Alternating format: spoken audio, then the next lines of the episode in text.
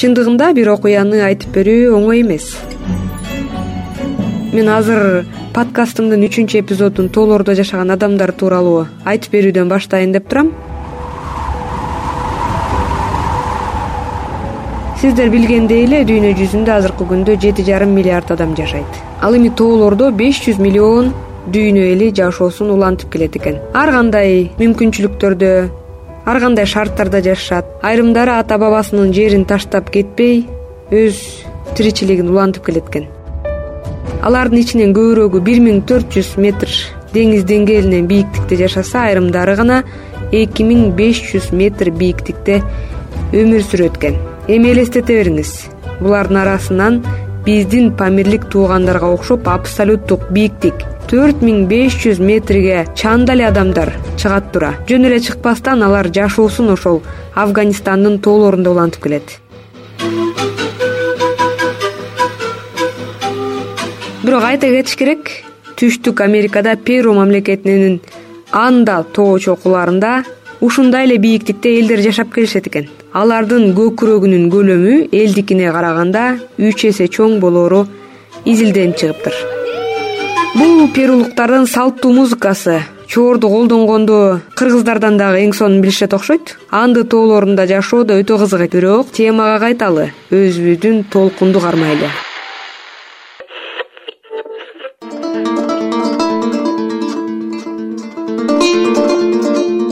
Ысык нан боордоштордун жашоосу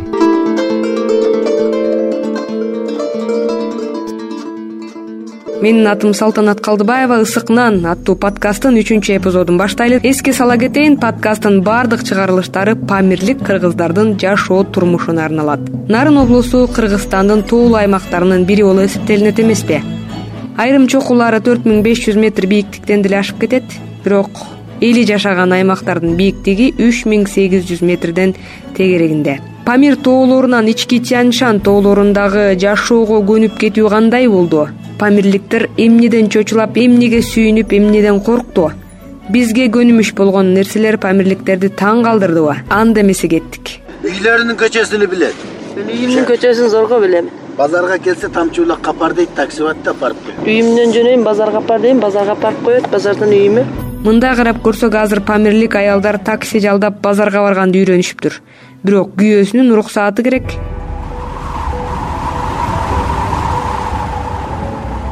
Нарын облусунун нарын шаарында азыркы күндө элүүдөн ашык памирлик кыргыз жашап келет. Алардын келгенине эки жыл эки ай декабрь айында толду эки миң он жетинчи жылы келгенде кыргызстандын жашоо шартындагы көп көрүнүштөр алар үчүн жаңы ачыла элек сандык болуп калган. Шарапат апа эки миң он жетинчи жылы өз балдары небере чөбөрөлөрү менен кыргызстанга афганистандан келген эле. Азыр ошол нарын шаарынан ич ара эле памирликтер той кылышып шарапат апа бир небересин күйөөгө берип аны коштоп келген экен. Эми памырдан кыргызстанга чыкканыбызда өтө албайбызбы бара алабызбы бара албайбызбы эми алла насип кылса бардык алла насип кылбаса бара албадык кайтып келдик анан. Деген сезимдер болду анан алла насип кылды келдик анан. Биякта аллага шүгүр бияктан жакшы экен анан. Биякта эмне кандай болсо өзүбүздүн боорубуз экен өзүбүздүн жигарибиз экен. Бир кыйналбадык кыйынчылык көрбөдүк жакшы жашап отурабыз баары эле жардамдарын кылып отурат. Мамлекетке рахмат жакшы экен эли да жакшы экен. Өзүбүз тынч аман отурабыз аябай сүйүнүп отурабыз. Кичинекей этникалык группанын өкүлдөрү келген күн бир гана памирликтердин эсинде калбаса керек. Ошол жерде иштеп конокторду мээримдүү тосуп алуу жана жергиликтүү жашоого көндүрүү милдети соц кызматкерлерге жүктөлгөн. Нарын шаарына болгон сапарымда төрт беш кызматкер менен маектешкенге жетиштим. Алардын ар бирөөнүн өзүнүн бир кызыктуу эсте калган окуялары бар экен. Боордоштор бүгүнкү күнгө чейин илгерки кыргыз салттарындагыдай тамакты беш манжа менен жейт. Же болбосо жыгачтан жасалган идиш аяктарды колдонушуп бизде көнүмүш болгон темир вилка кашыкты колдонууну башынан үйрөтүүгө туура келди. Ал эмес кээ бир мөмө жемиштер дагы жаңы болду. Мисалы биринчи күнү дасторконго коюлган тамак аштын баардыгынын ичинен эң кызыктуусу памирликтер үчүн алма болгон. Алар аны кантип жешти билбей темир вилка менен ортосунан сайып башташкан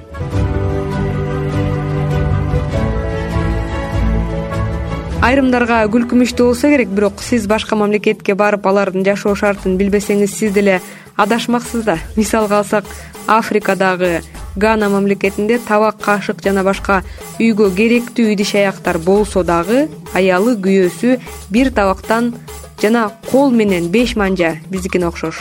Тамак жеш керек экен. Антпесең бул жергиликтүү элди сыйлабастык деп эсептешет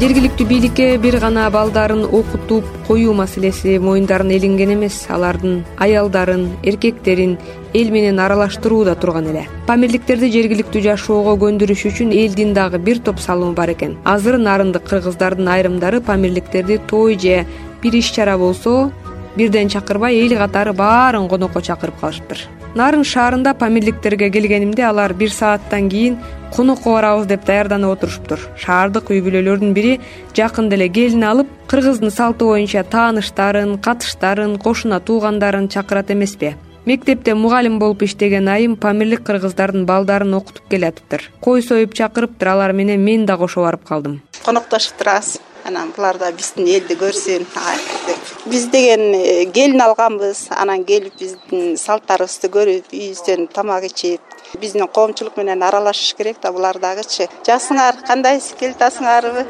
келинди да ээрчип алдыңарбы жакшынакай келин болуп ата энеңе кызмат кылган жакшы келин болгон. Өмүрлүү болгун өңгүн өскүн кызым биз нарынчыбыз да өзүбүз булар да азыр бөтөн эл бүтөн жер болуп атат да анан кичине бизге аралашып көнүшсүн деп анда санда чакырып калабыз болбой эле сөзүбүз болбой эле бара беребиз улуу памир менен кичи памирдин элдери чанда эле бири бирин көрүшсө нарында алардын карым катнашы жакшыргандай. Анандай сонун анан мында нарынга келгенде mana shu туугандар mana ушундай чакырат тойлорго ana ушундай сыйлашаттар. Анан ошо тууралуу биз аябай ыраазыбыз анан нарын элинен. Тууганбыз баардыгыбыз тууганбыз. Мына бул киши да менин кудагыйым бул кишинин да рукасыга бир кызымды бергенмин. Памирден конокко барганда дагы чогуу барасыңарбы жок памирде алыс эди памирде бири бирибизге жетпейт эле. Мында келип чогулуп конокко бирге бармаган эмнеге жетпей анда алыс да анан ондо машина жок отвозго минебиз атка минебиз бир күндө жетпей эки күндө барабыз ондо бири бирибизге мындай чогула албайт эдик. Азыр мында күнүгө эле кайсы жерге чакырган болсо баардыгыбызды чакырат баарыбыз бири бирибизди бирибиз көрүп турабыз. Мында жана машина бар жана келе калабыз ушу кызымды памылга бергенде күйөөгө турмушка сиздер билген каарман абдивахип менен анын кудагыйы шарапат экөө кайчылаш кудалар абдивахип кызын берип күйөө балалуу болсо шарапат апа дагы эки үч үй бүлөнүн карысы ал эми азыркы жашоосун байкап көрсөм аялдары башында келгенде үйгө кокусунан бир конок келип калса башка бөлмөгө өзүнчө отуруп калчу экен.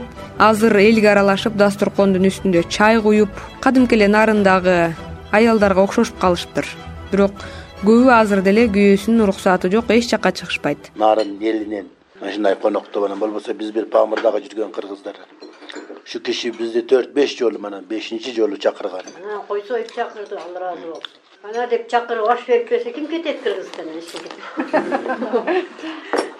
ошентип келген конокторго эт тартылды дасторкон үстүндө нарындык менен памирликтер устукан бөлүштүрүүнүн түрлөрүн да салыштырып талкууга өтүштү бизде устуканды куйрукту аялга тартат жамбашты эркекке тартат калланы улууга тартат башты менен баш менен могул анан манабул бужилик бужилик аялдардыкы силерде башты эмнеге улуусуна берет баш да ал эми баш башта.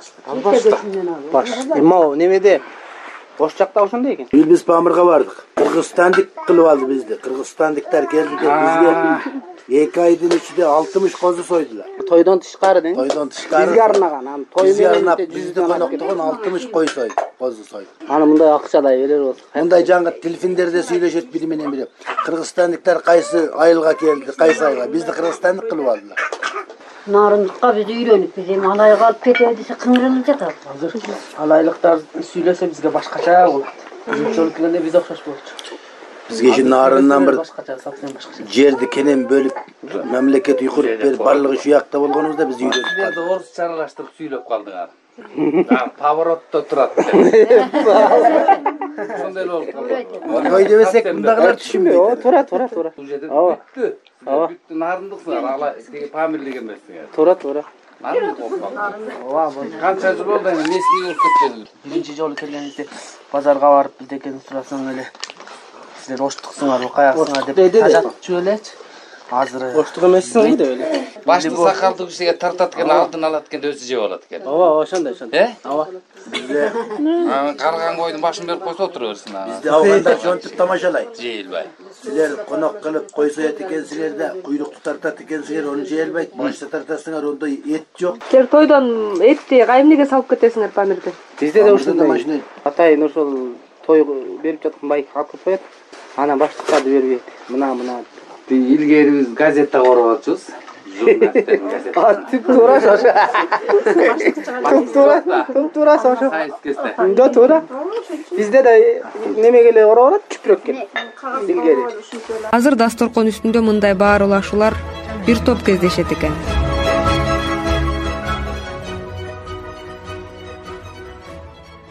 эки жыл өткөн соң устуканды бөлүштүрүү салттарынан тартып тамак бышыруу жүрүм туруму азыр окшошуп калгандай. Башында көбүнчө көнүмүш жашоо тиричиликте колдонуп келгендерибиз этникалык топко бир топ таң калууларды алып келди дейт. Нарын шаардык мэриясынын социалдык бөлүмүнүн баш кадиси асангазы кызы элнура элнура айым памирликтер кыргызстанга келгенден тартып азыркы күнгө чейин чогуу жашап калдым деп тамашалайт биринчи келгендечи алар баняны көрбөптүр баняны. Ал больницадан аябай жакшы чачат баягы жана больницадагы терапияны бошотуп бергенде ошондо медсестралар барып чоң баняга ошо түшүрүп э, алып барып түшүрүп атышты да. Ошондо аябай мындай чоочун болушуп такыр эметпейби мындай баняны көрүшпөптүр жуунат дегенде алардан сурап атпайбызбы эмне десең жанакы эле баягы илгерки таштайт.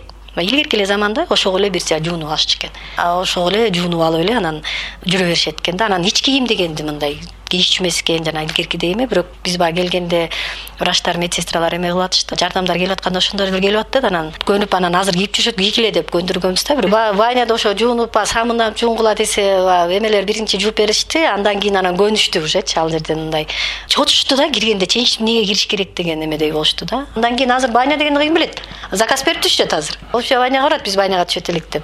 Анан дагы бир эмеси да ошо биринчи жыл биз жагы жыл болуп анан памирликтин ошо кимдин кызын алып кел дедик абыбаевден анан. Келсек эле мындай беш көкүл өрүп кызын жакшынакай кылып жиберди да. Эми булар дагы жана мындай суук менен эме жана эмне үчүн менингит жана гайморит болуп ооруп атышат баштары ооруп атат ден соолугу эме десе булар баягы өздөрүн караганды билишпейт окшойт да. Себеби деген мындай суук эме деген. Ошол кызды келсем мен баягы чачын сылатпай ий сонун экен деп карап эме кылдым да десем эшиктен киргенге чачы муз жууп туруп эле өрүп туруп кетирибиптир да. А эшикке чыкканда уже бизде чилде канча кырк градус отуз беш да анан тоңуп калыптыр да. Анан ай бул оорубайбы десек жок оорубайт дейт. Аягы жука эмени башына кийип эле анан жука жоолукту салып туруп кетирген да. Эми анан айттык бул болбойт суук десек угушпайт да. Анан ошонусун бербейт жана үйдөн же оосанып жүргүлө топу деп кыздарына көндүрүп атабыз а жанакы эмесин кийимин такыр чечишпейт ошо кышында суукта жана эмени кийип алып анан чыгышат бирок көнүп калышты. Кыйын азыр. Азыр бизге үйрөтөт дегендей ошого жарап калышты да. Балдарын окутуп берип атабыз жакшы эме алса может балдары жакшы чыгып ушундай жашоого көнүп кетишет анан эми чын эле мына үч жылдан бери өкмөт жакшы эле карап келди буларды анан. Андан кийин деле эми уже көнүш керек да. Көнүп деле анан окут кылышат да эми. Бирок баягы памирден келди кыргыздар деген аты болуп биз сыйлап турабыз а бирок эми жарандык менен эметсе баягы биздикиндей болуп жашоого көнөт деген үмүттө барбыз да. Адаптация болгучу ушуларга көңүл буруп жардам берели деп мындай бордо аракеттерди жасашты да. Негизи памирликтер башында бир гана нарын шаарына бөлүнгөн эмес баардык райондорго бул милдет илинген бирок убакыт өткөн сайын көбү борборго көчүп келип алышты. Шаардын жашоосуна көнүп калганбы же эмне себептер бар экенин нарын шаарынын вице мэри салтанат эсенаманова мындай кеп кылды. Мага таң калтырганы бүт баягы биздин илгерки кийимдер да. Илгерки кийимдер илгерки жана седеп топчулар шурулары баягы биз бүт кытайга берип салган эмелердин баары анан мен кызыгып карайм да беш көкүл чачтарын кыздардын баары беш көкүл анан кызыл кийишет экен биз баягы жаңы келгенде эме суук бияка келди деп уюштуруп анан жылуу жылуу кийимдерди алып барганбыз да. Анан десек эле карашпайт карашпайт анан көрсө баягы кара мындай көк жылуу толстовка эмелерди алып барганбыз да анан кара көк түрдө такыр кара кызыл анан ак экен да анан ошентип биринчи баягы больницага бизге баягы э, адаптация болсун и вообще ден соолуктарын карайлык деп бир он күнчө больницада кармадык. Анан кармап анан барып атабыз барганда эле анан деги эле эркектерге мындай көзүн тикке карабайт экен мындай көзмө көз жолукпайт экен анан эркектер турган тарапка алар турбайт экен. Бери жака аялдар такыр башын көтөрбөйт ушинтип гана башын көтөрбөй турушту анан мен алдыда турам да мен да адыраңдап эле баягы көгөнгөнчө тиги мэрдин жанында губернатордун жанында туруп алгам да. Байкасам ошондой анан алардын тарабына туруп алдым да. Анан менин артымда турат да. Анан шыбырашып коюшат баягы менин чачым баарына кызыктуу да анан чачын чачын деп шылбырап коюшат бир жердечи анан мынтип карасам кайра мынтип жер карап калышат карап сүйлөшөйүн десеңчи даже мени менен сүйлөшпөйт да. Ушундай болчу анан мындай чач кырккан аларга аябай таң калыштуу экен. Чачын деп мен ошо чачым кыркылганына таң калды го дедим да аякта кыздар медиктер чепчиктеп жүрөт да балким көргөн эместир антейин десең тиги зам жаркын деле барып тосуп келди да ал деле жыңалбаш чачын кыркып жүрчү анан. Же менин ошо мындай жана коюу чачым таң калтырдыбы иш кылып чачын чачын дегенде ошондо бир күлүп койгом да. Анан ошо баягы андан мурун ал больницага жата элек келди бияктан тосуп алдык автобус менен. Тосуп алган площадьте баягы эл дагы эме кылып атышат анан. Бирөөнүн кичинекей баласы бар экен да бир. Ошондо алтай беле кудай ай же бирге чыгып калды беле баягы кыздар жакшы көрүп мындай көтөрүп алып атышат да. Ошондо энесинин көзү жүрөгү чыгып калды. Ал баланы уурдап кетет деп ойлоду окшойт да. Бизге мындай анан мынтип көтөрүп же үшүп кетти го деп аябай жука кийинип келишиптир да. Анан үшүп кетти го деп эле бир келин мындай чапанга мындай уруп алайын десе тим эле ошондо көзү мага эмгиче элестейт да. Ошо эненин көзү да мындай корккон момундай ошол эсимде калды. Анан баягы мындай жүргөндө он тогузунчу дейинчи бир ошол жыйырманчы кылымдын башынан он тогузунчу кылымдын аягынан эле жыйырманчы кылымдын жыйырма биринчи кылымдын башына келип калды да булар. Анан моундай цивилизацияга көнүш эме болду. Антейин десең айфон көтөргөндөр. Таң каласың да бирок мындай баягы жашоого я имею в виду обществого кошулуп кетиш башында ошого кыйналышты ошого таң калып жүрүштү аябай аялдарга өзгөчө нааразы болуп жүрүштү шым деген эмне? Вообще это для них было дико. Аялдардын момундай ачык жүргөнү эркектери дагы аябай мындай жерип жүрүштү таң калып жүрүштү да анан кийин кийин баягы биз улам улам иш чараларга чакырып мындай биздин жашоого э, конокторго чакырган дагы случайлар бар. Анан ошентип ошентип анан көнүштү да. Анан кыйынчылыгы болсо биз эми мындай да тиги тиешелүү деңгээлде биздин бюджет не позволяет? Тиешелүү жакшы эле эме бирок ошентсе дагы болгон жылтырагыбызды деле таккыбыз келет. Балким менин бул жеке пикиримдир бирок буларды ошого көндүрүп алдык. Булардын моундай өзүнчө аракет кылалык дегенге көндүрбөй и мамлекет багат экен мен жатсам эле мамлекет багат экен дегенге көндүрүп алдык. Окшойт бул менин жеке пикирим да бир эмеден эми булар дагы ар кандай да баягы кой аксагы менен жүз дейт булардын ичинде дагы мындай аракет кылайын дегендер бар өзүнчө дагы эме кылып тырышып бир э, хабибулла по моему келип ошол мындай тырышкан бала да чуркап барып жанагы убойный цехтерге кой союп иштеди өзүн өзү багайын депчи. Мындай аракет кылып атат да анан мото деп коет тиги абдывахип эже деп коет эже мен ушу мото үйрө тиги алайын деп мотомо эмне? Ошондо экен да. Анан ошого мени окутуңуз ага документ документ деп сүйлөйт. Документ керек экен деп. Анан сен эми окуй албайсың да биздин тилди биринчи үйрөнүшүң керек. Анын правилалары бар. Анын мындай тартиби бар. Оңго мындай буруласың солго мындай буруласың артка мындай бересиң деген. Э, десем окуйм окуйм деди анан окуп көрдү мотосун деле ала элек да. Бирок ошо аракетинде эме кылам да мынтип атпайбы мынтип атпайбы бул жерде ошо мото алып алып таксисттер көп бизде. Таксовать этсе ушу болгону он сом таксибиз. Анан ошентип таксовать этип иштесе болот экен мага ошо жагып атат. Дейт пожалуйста деп атпайбы иште ал мотоңду. Бирок окуганда үйрөн эмесин тиги сен эмес мен билбейм тиги правила дорожного движения анан ошону үйрөнүшүң керек. Анын мындай быкый чыкыйы көп болот. Ал жөн эле биздин жалгыз көчөдөн эле ары бери басып жүрөм деп ойлобо десем күлүп ошентип кеткен. Ошондой жерлери бар да. Анан эми башкаларга барганда балким эми келет да баягы байкуш немедегилер. Биринчи булардыкы деген ошо максаты биринчи келгенде мындай деп бизге деле ошентип эмени кое берчү эже биз баарыбыз чогуу эле болсок дей берчү да. Бизге кошула албай элечи. Чогуу болсок ошо өкмөткө айтсаңыздар бизге эме берсе жер дейт да анан ошол жерге тиги там салып берсе дейт да мындай общий сыяктуу эле мындай там салып берсе анан биз өзүбүз малды алып дейт. Өзүбүз алып анан тиги жерди иштетип кетет элек. Баарыбыз чогуу бизди чачпагыла дешчү. Анан азыр көнүп калды. Көнүп калып анан бирок мындай кызыгыш болбоду баягы жакшы көргөн балаңа шаар көрсөтпө деп абдыбахиптин аялы ким жамбы төрөп калды келгенде эле боюнда болуп келген. Анан төрөгөндө нарындан там сатылып берилип калды. Анан эле баары анан нарынга келе баштаган кочкорго бөлүнгөн нарын районуна бөлүнгөн ат башы районуна бөлүнгөн нарын району ушу тиги бул миң булакка э, кулан акка бөлүнүшкөн. Анан жакшы көргөн балаңа шаар көрсөтпө болуп анан баары анан бүт бияка келип өтүп кырк тогуз киши бияка келип аш шаарда да анан э, бирок эми буларга деген жанагындай да эми өкмөт берип атат квартирасын төлөп берип атат тамак ашын берип атат. Иждивенчество болуп калабы деп мен корком да.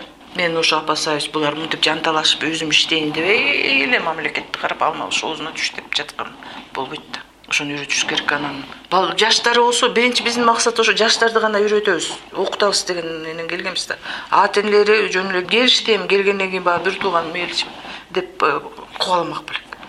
Анан калышты ошентип калып калды анан отуз бирөө эле бир чоң иш чара. Бул жерде даярдайбыз да бир жолу ошол иш чараны даярдап атам.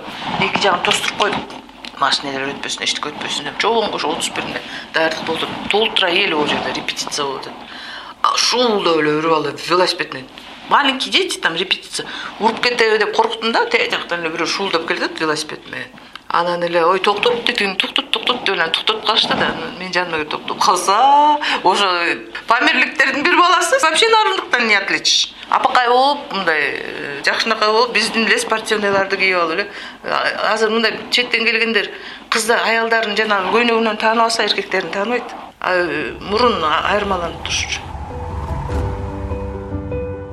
соц кызматкерлер бир жылдан ашык убакыт алар менен кошо жашап кошо тамак ичип кошо идиш аяк жууп кошо доктур мончого дагы барган күндөрү болуптур мындай ойлонуп көрсөк ар бир адам жашоосун жакшыртыш үчүн сапатын көтөрүш үчүн жумуштап иштеш керек да. Бирок жумуш табуу чоң чоң шаарларда өтө оор. Кичинекей область борборлорун айтпай эле коелу. Ошол подкасттын экинчи бөлүгүндө абдывахип базардан мал алып кайра сатканды өздөштүрүп кеткенин айтып берди элек. Азыр боордош туугандардын айрымдары көмүр толтуруп иштешет экен. Айрымдары тилекке каршы кагаз коробка чогултуп иштегендери социалдык тармакка да чыгып кетти. Бирок мынтип иштеп жаткандарын туугандар көп деле айтып бергенди жактыра беришпейт анткени памирде алардын көп жумуштарын атайын жалдаган кишилери аткарып беришчү а кыргызстандагы реалдуу жашоо аларды көнбөгөн жумушту аткарууга да түрттү. Азыр эми жумуш деле биркенен жумуш кылып атабыз. Эми жумуш биз эми оякта ушу бирке мал кайтарып эле башка жумуш болгон эмес. Бизде мындай там курган жумуш жок башка булундай базар жумушу жок.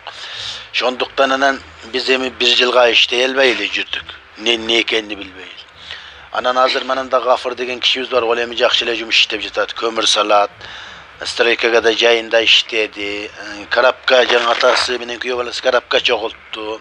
Ошо деле эми акчабы деле бир намызы жок да эми кыргыз элинде эми баардыгы эле жумуш менен жүрөт бирок мындай ойлонуп көрсөк кыргызстанда биз жумуш тандабайбыз да. Жок бул жумушка мен татыктуу эмесмин бул жумушка татыктуумун деп тандагандар билимдүүлөрдөн арасынан чыкса керек.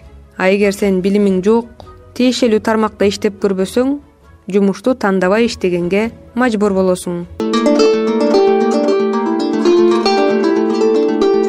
Памирликтерди эмне таң калтырды этникалык кыргыздар кыргызчаны кантип үйрөндү ысык нан подкастын угуп жатасыздар.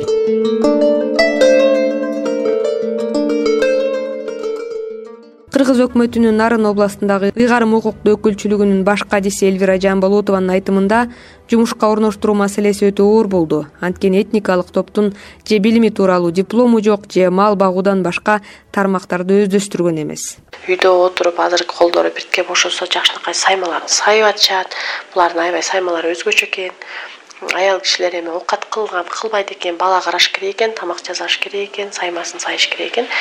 Э, эми эркектерибиз болсо кудайга шүгүр эми баягы жаңы келгенде эми э, мындай ишке тартыл андай ишке тартыл десек а жок биз хандын баласыбыз да мал бакпайсыңарбы? Бизде мал багып иштешет алар сегиз миңден он миң сом айлык алат десе а жок биз тиякта малдарыбызды таджиктерди жалдап биз тияка малчы жалдап келбедикпи. А биз биякта мал мал бирөөнүн малын кайтарып жүрсөк памирде туугандарыбыз көрүп бизди эмне дейт шылдыңдашат да уят болбойбузбу деп отказ беришкен.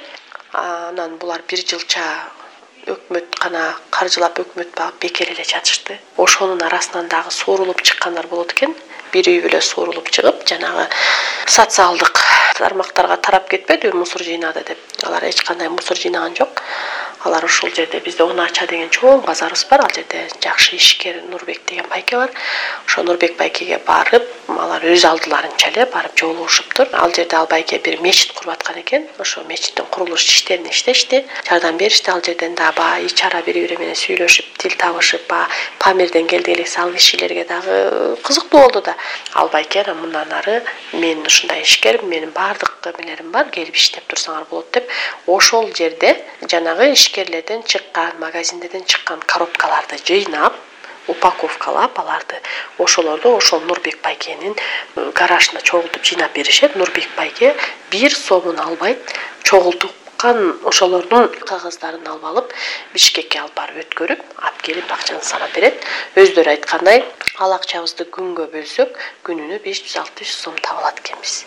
Жакшы чогултуп эметкенде бир миң эки жүз сомго чейин табат эми азыр буларда баягы билим жок болгонуна байланыштуу эгер билими болсо биз буларды доктур кылып коет элек буларды биз мугалим кылып коет элек же эсепчи кылып коет элек дегендей э, эми ошондой жанагыдай мал эме жумуштарга айтсак булар дагы өздөрүнүн бир менталитетиби же бир өздөрүнүн намысыбы жок биз дагы өзүлөрүнүн эмесин кармашты. Биз дагы андай эч кандай биз балдарыбызды билим алууга келгенбиз бирок балдарыбызды эле окуталы деп ойлогонбуз.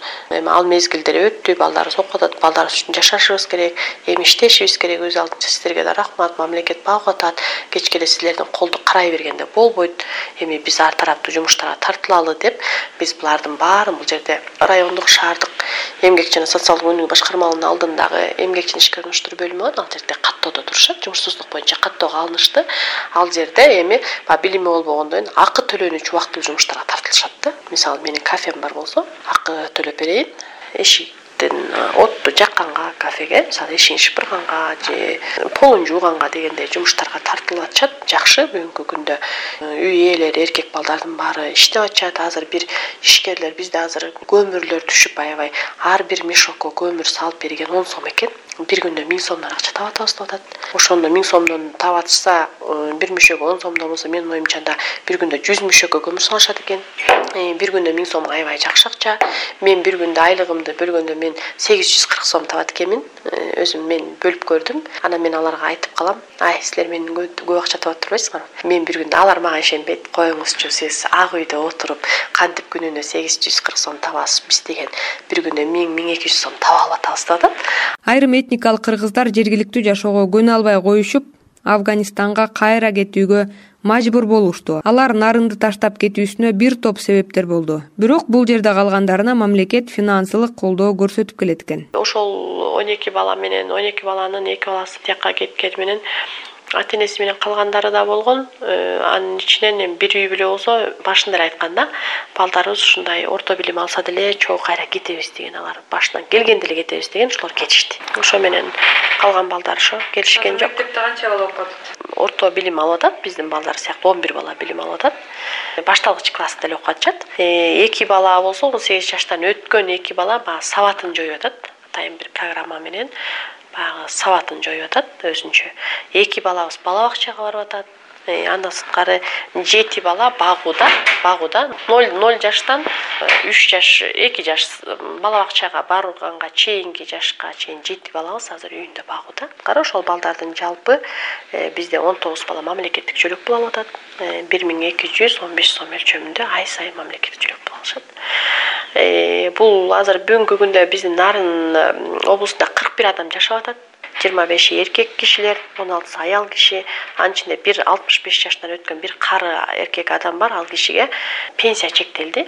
Бизде өзүңүздөр билесиздер эч жакта иштебесе социалдык өнүгүү башкармалыгынан чектелет бир миң беш жүз сом өлчөмүндө э, пенсия чектелет ошол пенсияны алып атат бирок ал киши карымын деп жатып албастан ошол жанагы оңой жумуш экен мага деп жанагы коробканы ошол киши азыр ошол киши жыйнап ошол киши иштеп атат да. Азыр памирлик кыргыздар кайрылман статусун алып жашашат. Бирок ал үч жылга гана берилээрин жергиликтүүлөр билдиришти эгер этникалык топко жарандык берилип калса кыргызстандын кадимки эле биздин жарандык берилип калса алар биз кыргызстандын жарандары жашаган жашоого даяр болуш керек.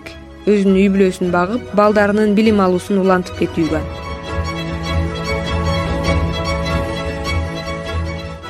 Дүйнөлүк практикада психологдордун айтымында адам башка мамлекетке көчүп барганда биринчи үч ай ал үчүн эйфория мезгили болот. Баары жаңы тааныла элек кызыктуу эркин жана үмүт берчүдөй. Үч ай өткөн соң ал киши өзүнүн мурунку жашоосун көнгөн айлана чөйрөсүн дос туугандарын сагына баштайт. Реалдуу жашоо ошондо гана башталат. Психологиялык жактан мээ көп жабыркайт эмоционалдык жагдайда адам кайра өз чөйрөсүнө кетип калат жаңы жашоону артта калтырып. Бирок бул абал бир жыл өткөн соң кетет экен.